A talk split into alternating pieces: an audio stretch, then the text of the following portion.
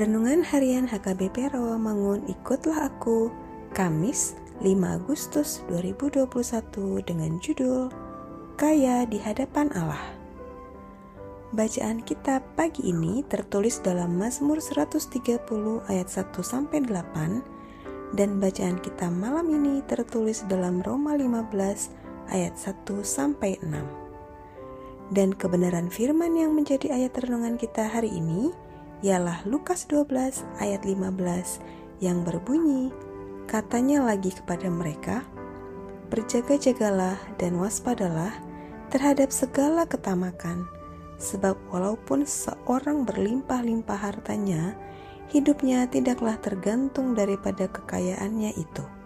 Demikian firman Tuhan. Selama pandemi COVID-19, jumlah orang miskin di Indonesia tercatat mengalami kenaikan. Badan Pusat Statistik menyebut pada Maret 2021, jumlah orang miskin di negara kita tercatat 27,54 juta orang. Jumlah ini jika dibandingkan dengan bulan Maret 2020 naik sebesar 1,12 juta orang. Juga angka rasio ketimpangan antar si kaya dan si miskin atau Gini ratio naik dari 0,381 menjadi 0,384. Pandemi ini membuat orang kaya semakin kaya dan orang miskin semakin melarat dan perlu pertolongan.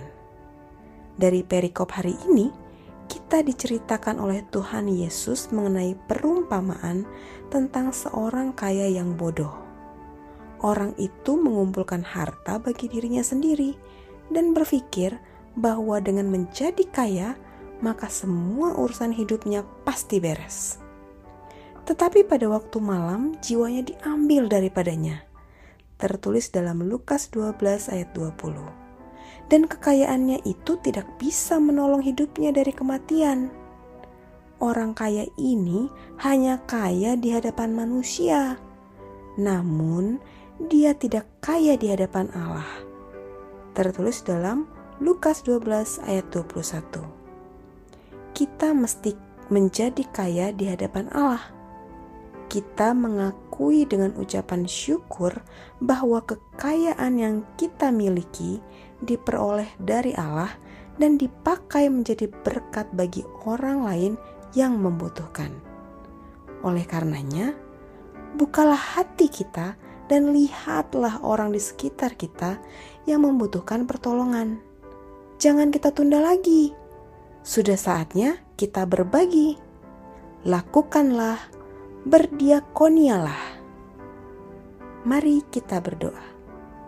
Tuhan Yesus, kami sadar melalui pandemi ini, Tuhan ingin memakai kami untuk berbagi dengan saudara-saudara kami yang membutuhkan. Beri kami kemampuan untuk melakukannya. Amin.